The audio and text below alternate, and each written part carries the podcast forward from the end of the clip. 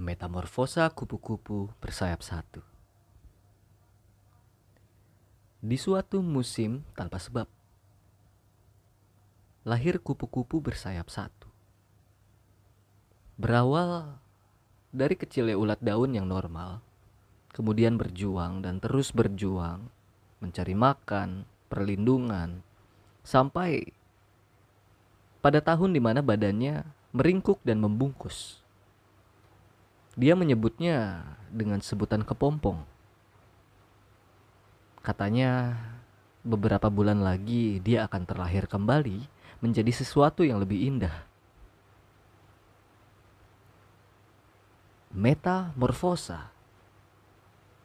Berbulan-bulan berlalu. Mulai retak dinding kepompong itu. Muncul antena mungil yang melengkung. Berusaha keluar dari sarang. Terus dan terus sampai pada sayap kanan keluar terlebih dahulu. Indah warnanya, gabungan jingga dan toska. Masih, masih berusaha keluar. Tak lama dia jatuh. Tidak terbang. Sayapnya cuma sebelah. Terlihat air matanya keluar. Sedih. Tidak kuasa. Apa apa aku buruk rupa?